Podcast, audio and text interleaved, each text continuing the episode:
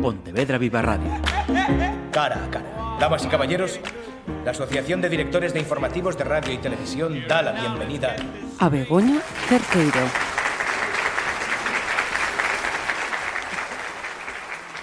El 11 de abril se señala como Día Mundial del Parkinson, así que en esta ocasión vamos a tratar esta enfermedad en este cara a cara y lo vamos a hacer con Begoña Cerqueiro, que es eh, presidenta de la Asociación Provincial de Parkinson, acrónimo APROPARC. Así que lo primero, muchísimas gracias y bienvenida, Begoña. Hola, muchas gracias a vosotros.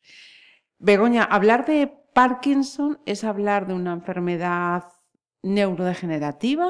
Sí, es una enfermedad neurodegenerativa, es decir, que tiene la base en el cerebro neuronal y que va avanzando. Es una enfermedad crónica que no tiene cura, pero sí tiene tratamiento, un tratamiento sintomatológico. O sea, vamos a tratar a incidir sobre los síntomas, no sobre la causa de la enfermedad. Ajá, porque esa es la siguiente pregunta que te quería hacer. Las causas siguen sin saberse, ¿no? Sí, el Parkinson es idiopático, es decir, que no conocemos la causa. Eh, hay factores predisponentes, puede haber factores eh, genéticos que puedan predisponer en algunos casos, no en todos, por ejemplo, en el Parkinson joven sí hay causas predisponentes, pero en la mayoría de los casos no, no, no sabemos por qué se, se produce.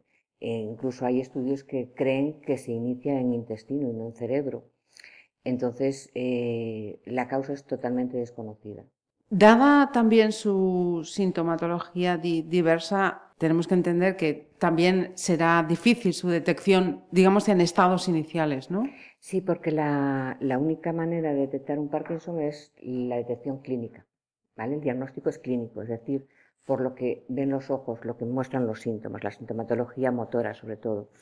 Eh, hacen, normalmente las personas que se predispone una, un diagnóstico de Parkinson, se le hacen unas pruebas, unas gamografías, pero lo que se hacen para eh, diferenciar de otras, de otras patologías, pues por ejemplo, un tumor cerebral, un, un ACU, un accidente cerebrovascular que hayan causado esos sintomatología de Parkinson, entonces ahí hablaríamos de un parkinsonismo causado por un tumor, un traumatismo, un, un accidente cerebrovascular. Cuando está afectada la zona de la sustancia negra, y no hay ninguna causa externa, estamos ante un, Parkinson idiopático, es decir, sin causa. Lo frecuente es que comience a manifestarse 60, 70, ¿a qué edades, Begoña? Lo normal es que el diagnóstico aparezca entre los 55 y los 65 años.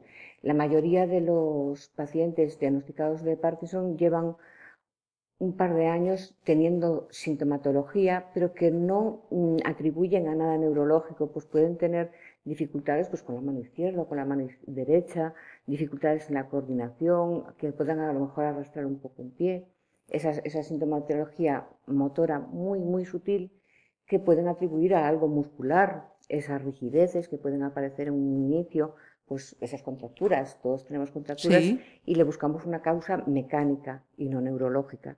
De ahí muchas veces también la dificultad de diagnosticar porque nos vamos hacia otros campos de la medicina. También puede aparecer con sintomatología no motora como es ansiedad, depresión, eh, y también nos dirigen hacia otros, otros, otras, eh, especializaciones. Sí, sí, sí, eh, normalmente eso, las, la sintomatología inicial es muy sutil, son eso, rigideces, lentitudes, faltas de coordinación entre ambos, ambas manos o la mano derecha y el pie izquierdo o al revés, eh, falta de olfato, estreñimiento, problemas claro, son unas eh, y por sí solas ninguna te darían a, descubrir el Parkinson. Cuando se juntan varias y ante los ojos de un experto, pues eh, normalmente el diagnóstico, la clínica nos, nos, nos, identifica un Parkinson, después hay que comprobarlo, claro. Ajá. Y me decías, a partir de los 55, fíjate, yo pensaba que sería, sería más tardío. No, eh, el, el, idiopático, el normal que todos conocemos, es sobre esa edad. Después hay algunos casos que, que es lo que llamamos, que es un parkinsonismo, ya es más atípico, que es el Parkinson joven, que puede aparecer por debajo de los 30 años. Eh, los porcentajes así en edades de, pues eso decías ahora, por en torno a los 30, en torno a los 50, es, considerable, hay que tenerlo en cuenta o es eh, un 2%, un 3% de la población eh, por encima de los 60 años, eh, un 0,3%, perdón, de la población por encima de los de los 60 de los 50 años puede tener Parkinson y un 2% son mayores de 60 años y en porcentajes de mayores de 80 años es un 4%, ¿vale? Porque claro, aumentando la edad, aumenta la, muerte neuronal, mm. entonces aumentan ya los casos. Pero eh, en, por debajo de los, de los 60 años es un 0,3%. Así como estás diciendo que la casuística es diferente, también eh, su evolución es, es diferente en, mm. en, las personas. Los, los Parkinson atípicos eh, o Parkinsonismos tienen una evolución mucho peor que la del Parkinson idiopático, porque no tienen una buena respuesta a la medicación por levodopa. Entonces, es prácticamente la única medicación que, ayuda. Y no, tienen otras alternativas como la quirúrgica, no, no aparece en estos casos. Entonces, la evolución es mucho más rápida y mucho peor. En cuanto a los parkinsonismos no atípicos, eh, cuando son por una causa, pues un tumor, unas eh, radiaciones, lo que sea, y tienen buena respuesta a la levodopa, es exactamente igual la evolución a la del Parkinson idiopático.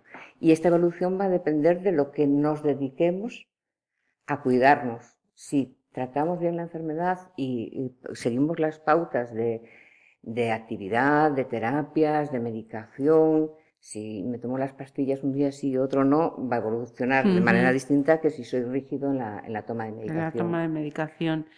Eh, mira, ya que estabas em, haciendo alusión a eso, los tratamientos entonces serían farmacológicos, terapéuticos y creo que también quirúrgicos. sí. Eh, en principio, todo paciente tendría la, la, la opción farmacológica y terapéutica. La farmacológica normalmente está compuesta por levodopa, eh, agonistas dopaminérgicos e inhibidores MAO. Son tres grupos de medicaciones que son las únicas que se dan para, para el Parkinson. Después, para tratar ciertos síntomas más concretos como trastornos del sueño o una mayor ansiedad, pueden mm, meterse otro tipo de, de medicaciones. Los tratamientos terapéuticos los que están reconocidos por la Sociedad Neurológica Española es la fisioterapia, la logopedia, la terapia ocupacional y el apoyo psicológico. Y después, en unos casos muy específicos, existe el tratamiento quirúrgico, que es, eh, consiste en unos electrodos que se, que se una operación cerebral, un neurocirujano, que se introducen hasta la, zona del, del putamen en la, en la sustancia negra y lo que hacen es estimular el, nacimiento de la, producción de levodopa por parte de las neuronas dopaminérgicas. Viene siendo como un marcapasos, es un estimulador eléctrico, como un marcapasos del corazón, pero en el pero cerebro. El cerebro. ¿Se hacen aquí en esta comunidad? Sí, en Galicia llevan 25 años haciendo este tipo de operación. Solo se operan a, a, lo que es un paciente tipo menor de 70 años, sin problemas de coagulación, donde mm, las pruebas tanto de resonancias magnéticas como psicológicas como neurofisiológicas den los datos eh, apropiados porque si por ejemplo una vena pasa demasiado cerca de la zona por donde tiene que ir el electrodo, pues por ejemplo un sangrado puede hacer eh, empeorar muchísimo, ah, ah. Que, lo que puede mejorar con la, con la, intervención. Con la intervención. Eh, también tienen que ser pacientes que tengan buena respuesta a la levodopa. Si no hay respuesta a la levodopa, no, no va a haber respuesta a la, intervención. Mira, antes de hacerte la siguiente pregunta, me ha parecido entender cuando hablábamos eh, de, causas que pueden eh, ocasionar. ¿Has mencionado las radiaciones también? Sí, por ejemplo, una persona que pueda tener un cáncer de cabeza y boca pues por ejemplo un cáncer de lengua, sobre todo eh, personas que, que, tuvieron esta eh, radioterapia hace bastantes años, pueden haber quemado esa zona, haber llegado la radiación a esa zona y quemar la, la producción de, de, neuronas dopaminérgicas. Entonces, eh, en esos casos, pues aparece un parkinsonismo secundario a, a esa... Eh, ¿Es una enfermedad dolorosa, Begoña? A ver, eh, la enfermedad eh, produce dolor porque uno de los síntomas más, que más pervive con, el Parkinson es la rigidez muscular.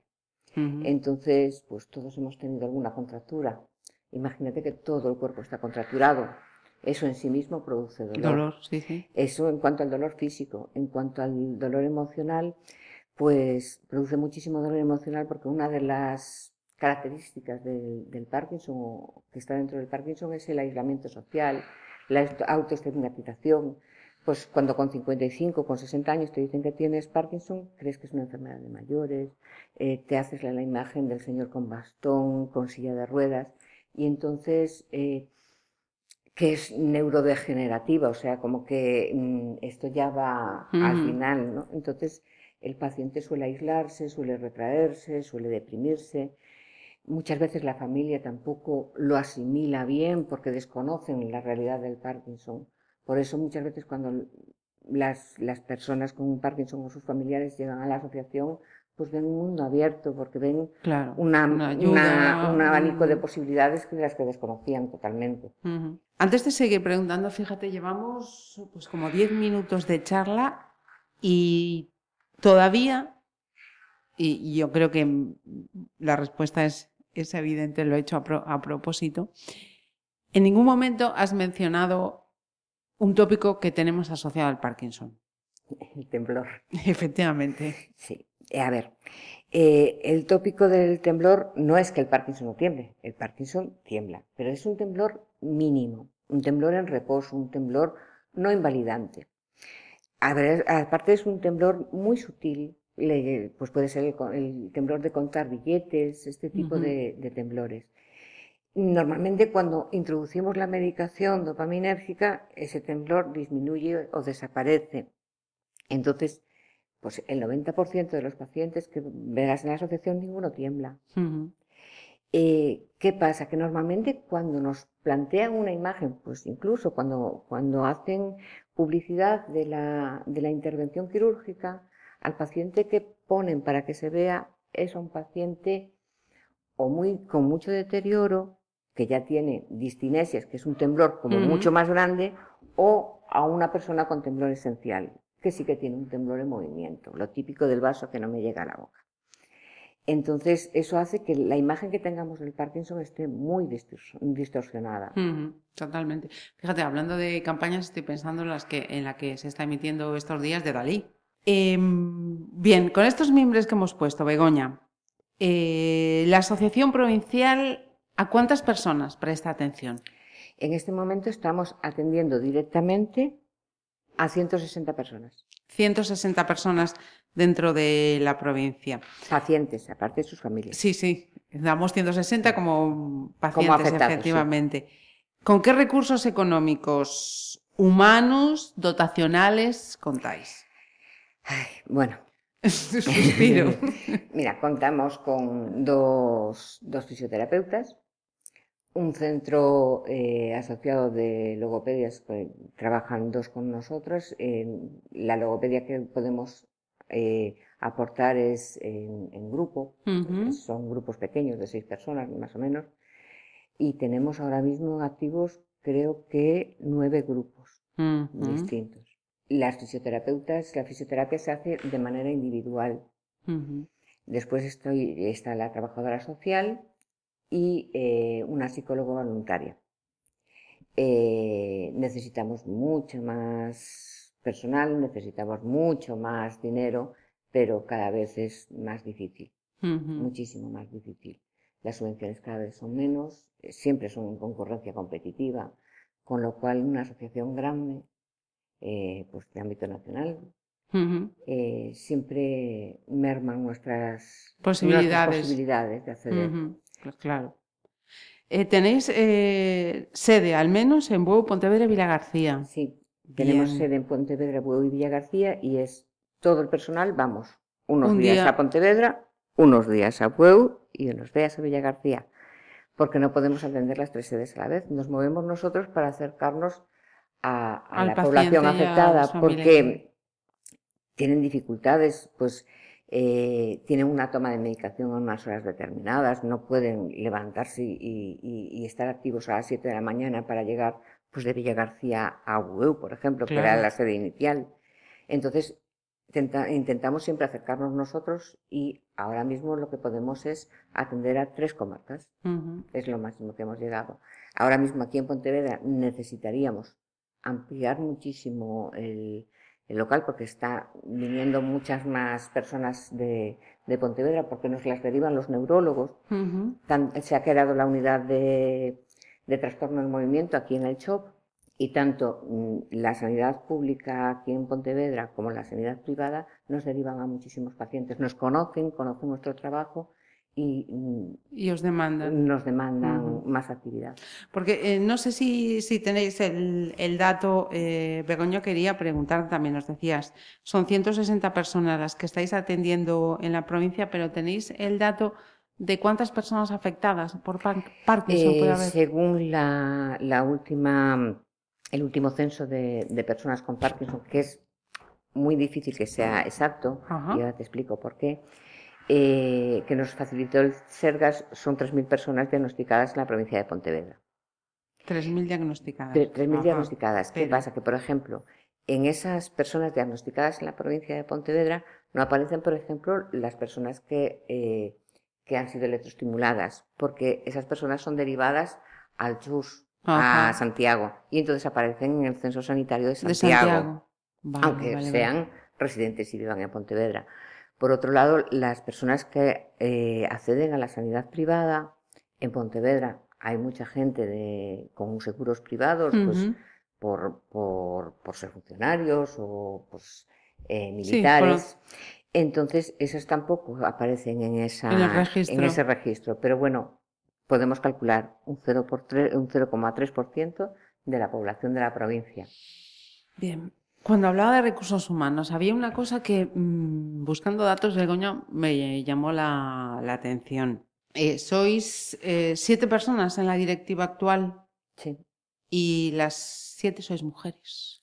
Sí, eh, porque las siete somos mujeres por, por razones muy, muy concretas porque estamos en un mundo sociosanitario donde el 90% somos mujeres. Yo soy trabajadora social, soy hija de un paciente con Parkinson y, trabajaba en la asociación, entonces cogí el cargo porque no había nadie para cogerlo en ese momento.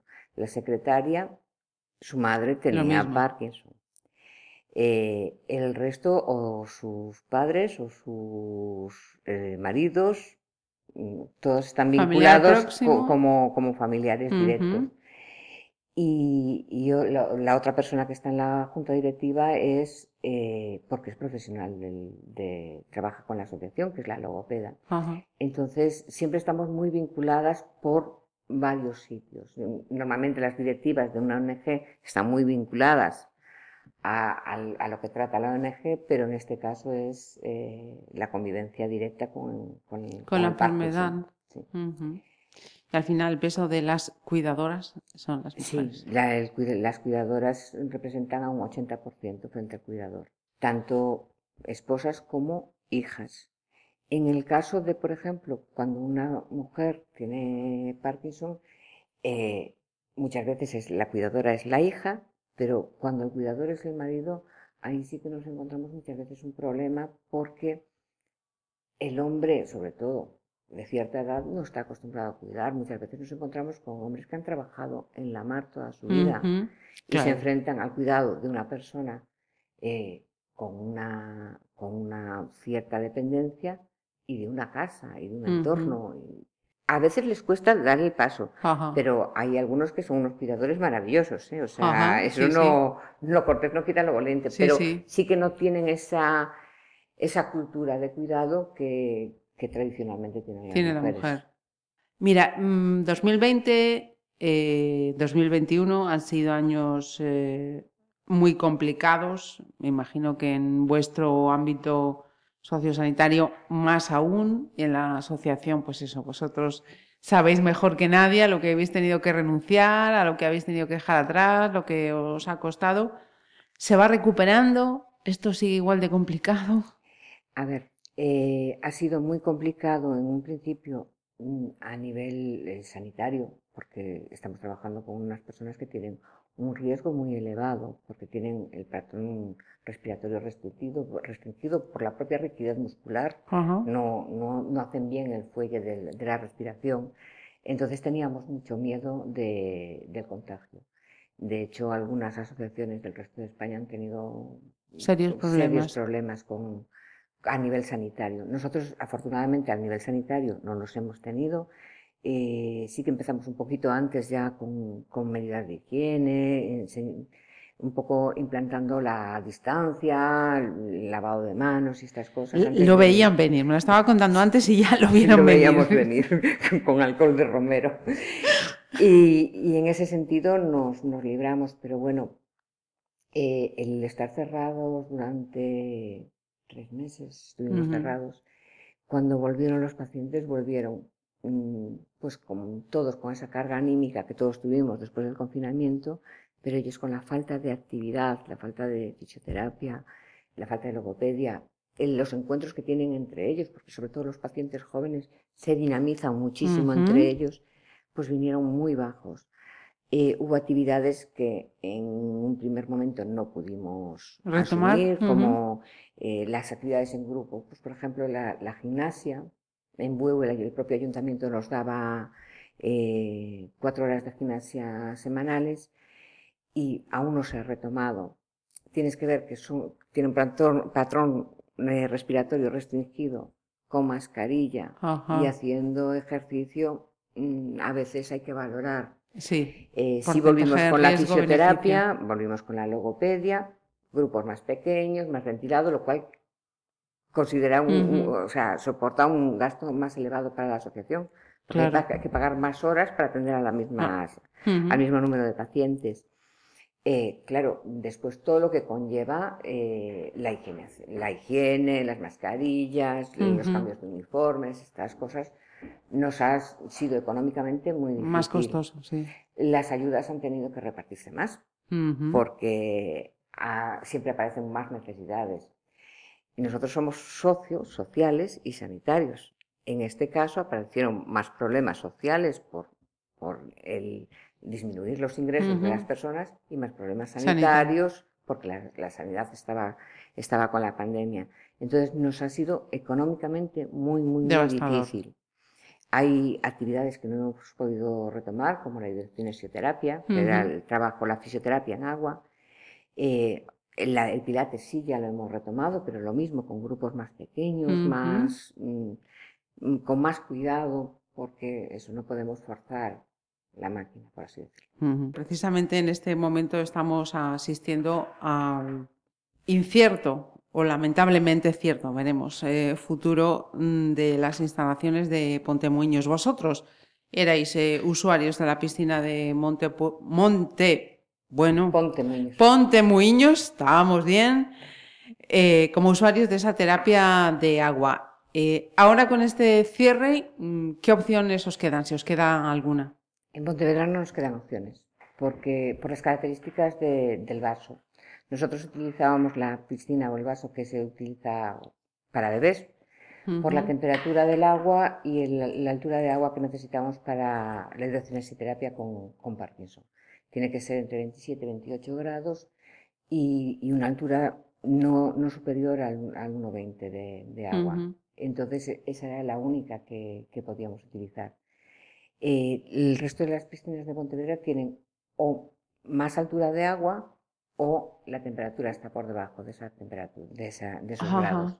En este momento la única que responde a, las, a nuestras necesidades es la de la de WEU, pero claro, tendríamos que trasladar a todos los pacientes que atendemos en las distintas sedes a WEU, con lo cual nos quedaría, pues, por ejemplo, las de Villa García les quedaría lejísimo. Ajá. En Vila García no hay ninguna dotación que se pudiera utilizar y en Pontevedra pues Por la temperatura del agua y, la altura no. Y, nos pasaría lo mismo, o sea, Bueu y Villa García no son buena opción porque los del Morrazo les queda muy lejos el Salnés, los del Salnés les queda muy lejos el Morrazo. Entonces Pontevedra era una zona central donde se acercaban de, de, una Villa García, de Cuntis, de, de Moaña.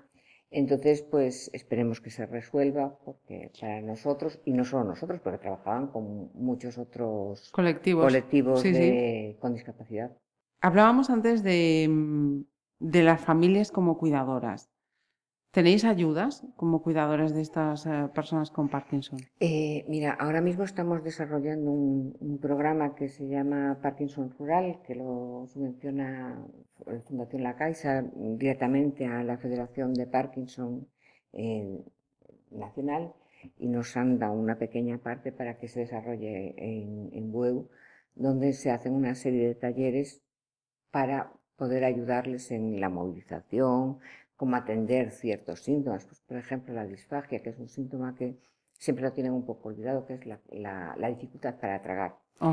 Eh, en eso tiene que intervenir muchísimo el cuidador porque eh, la, forma de elaborar las comidas, eh, maniobras de rescate, cuando hay un atragantamiento, tienes que formar al cuidador.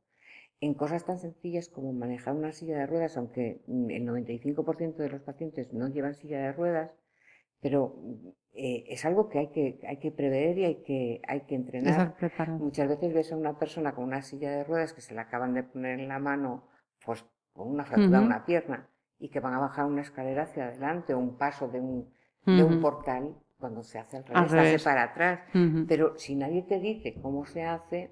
Si nadie lo hacemos aprendidos, está claro. Entonces el cuidador también tiene que tener una formación, un cuidado un apoyo psicológico, a veces con el grupo de, de, otros cuidadores de, pues yo lo solvento así, pues yo me desahogo de esta manera. Incluso, te digo, eh, en este momento no, no tenemos capacidad para hacer mm, mensualmente o quincenalmente grupos de, de terapia, tanto con, con, familiares como con pacientes, pero de esos grupos salen mm, amistades, grupos de apoyo, que se llaman entre ellos, que se apoyan entre ellos. Y la, es muy diferente a que un profesional te diga esto, lo deberías de hacer así, que tú lo haces un poco en general, que como no vive el cuidador en su casa. Y pues yo, es a mi marido le encanta el cocido, al mío también, pues yo lo hago así para que pueda comer también en la com, por ejemplo. Es una, una, forma de explicarlo. Entonces, echamos de menos poder eh, tener esos grupos. Ese grupo, pero eh, económicamente no podemos contratar a más gente, aunque necesitaríamos la neuropsicóloga muchísimo. El contrato de la neuropsicóloga es fundamental y ahora mismo la tenemos como voluntaria, hace lo que puede, pero es voluntaria. trabajar en otro sitio, claro. Es voluntaria. Vamos a la fecha del próximo 11 de abril. Eh, estos días estáis con distintas actividades, ¿no? Para visibilizar la, enfermedad. Sí, normalmente lo hacemos durante todo el mes de abril. Ponemos mesas de informativas. Eh, normalmente en Pontevedra, Bueu, Villa García, Cangas, en distintos sitios. Un poco para acercar eh, el lema de la, de la, asociación a las personas con, con Parkinson de, de, las, de las actividades de calle siempre salen nuevos pacientes o personas que, que se dedican a nosotros para información. Eh, por otro lado, también realizamos las, las jornadas. Eh, este año las jornadas las dividimos en tres días. Sí. Una para mm, no masificar el número de personas, porque seguimos teniendo miedo con el COVID, y otra, pues, eh, la hacemos el día 11. Pues justo yo el día 11 tengo médico, pues lo dividimos en tres días y también pensando en otros síntomas del Parkinson, que es la, falta de capacidad de atención prolongada. Entonces, si yo pongo tres horas de charlas, en la tercera, el tercer tramo no se enteran. Entonces, como pongo tres días distintos, vienen frescos cada día para coger toda la información de, ese, esa, charla. Y bueno, eh, también eh, este año lo que, lo que queremos mostrar es la otra cara del Parkinson, que no es... Eso es, creo, ¿eh? Si, no me, si no me equivoco y no me adelanto. Eh, relacionado con el manifiesto, ¿no? Cada año hay un manifiesto mm. con una serie de máximas que se quieren hacer llegar. Y este 2022 incidís en eso, ¿no? Cuéntanos, por favor. En la, en la otra cara del Parkinson. Es decir, eh, cuando nosotros metemos la palabra Parkinson en Google, en un buscador de Google, Te aparecen eh, personas que tiemblan, personas mayores, personas que no pueden trabajar, personas con, con, discapacidad. Queremos que la gente vea que no es así, que hay personas embarazadas con Parkinson, hay personas con menos de 30 años, eh, hay, hay, cuidadores, hay, el Parkinson conlleva muchas cosas más, pero lo que es la propia imagen, el perfil del, del enfermo está muy distorsionada y queremos borrar esa imagen. Eh, desde la federación a nivel nacional se mandan, pues se eligieron varias personas con varias características distintas, una persona extranjera, una persona con, con sintomatología no común, eh, una persona embarazada y, lo que se hace es eso, reflejar ese, esa, otra cara. Por nuestra parte, o sea, a, través de la campaña que hace la, que lanza la federación, donde estamos incluidos como miembros de la federación, nosotros hemos cogido varios pacientes, los que, los que han querido, hemos cogido muchos, los que ellos han querido, nos han mandado fotos y nos han mandado una frase de cómo viven el Parkinson. Esas frases se van a difundir tanto en las jornadas como algunas a través de redes para que veáis que hay mm, pues historias muy, mm. muy bonitas detrás de, de, nuestros pacientes que son, bueno, son muy activos muchas veces en, en este tipo de cosas y, y, algunos pues frases que realmente te, te llegan. Te llegan. Pues Begoña Cerqueiro, presidenta de la Asociación Provincial de Parkinson, te agradezco que nos hayas hecho un huequito en estas semanas tan, tan intensas, que espero que al menos la intensidad sea para que tengamos mayor y mejor conocimiento de esta enfermedad y también para que vosotros recibáis eh, esa, atención y esas necesidades que también os hacen mm. falta. Muchísimas gracias. Muchísimas gracias a ti. Pontevedra Viva Radio. ¿Me permiten que les haga un comentario como espectadores del programa Cara a Cara? Según un reciente sondeo de mercado, ustedes disponen de estudios e inteligencias superiores a la media. Sus intereses abarcan desde la actualidad mundial y la ciencia hasta el deporte y los espectáculos.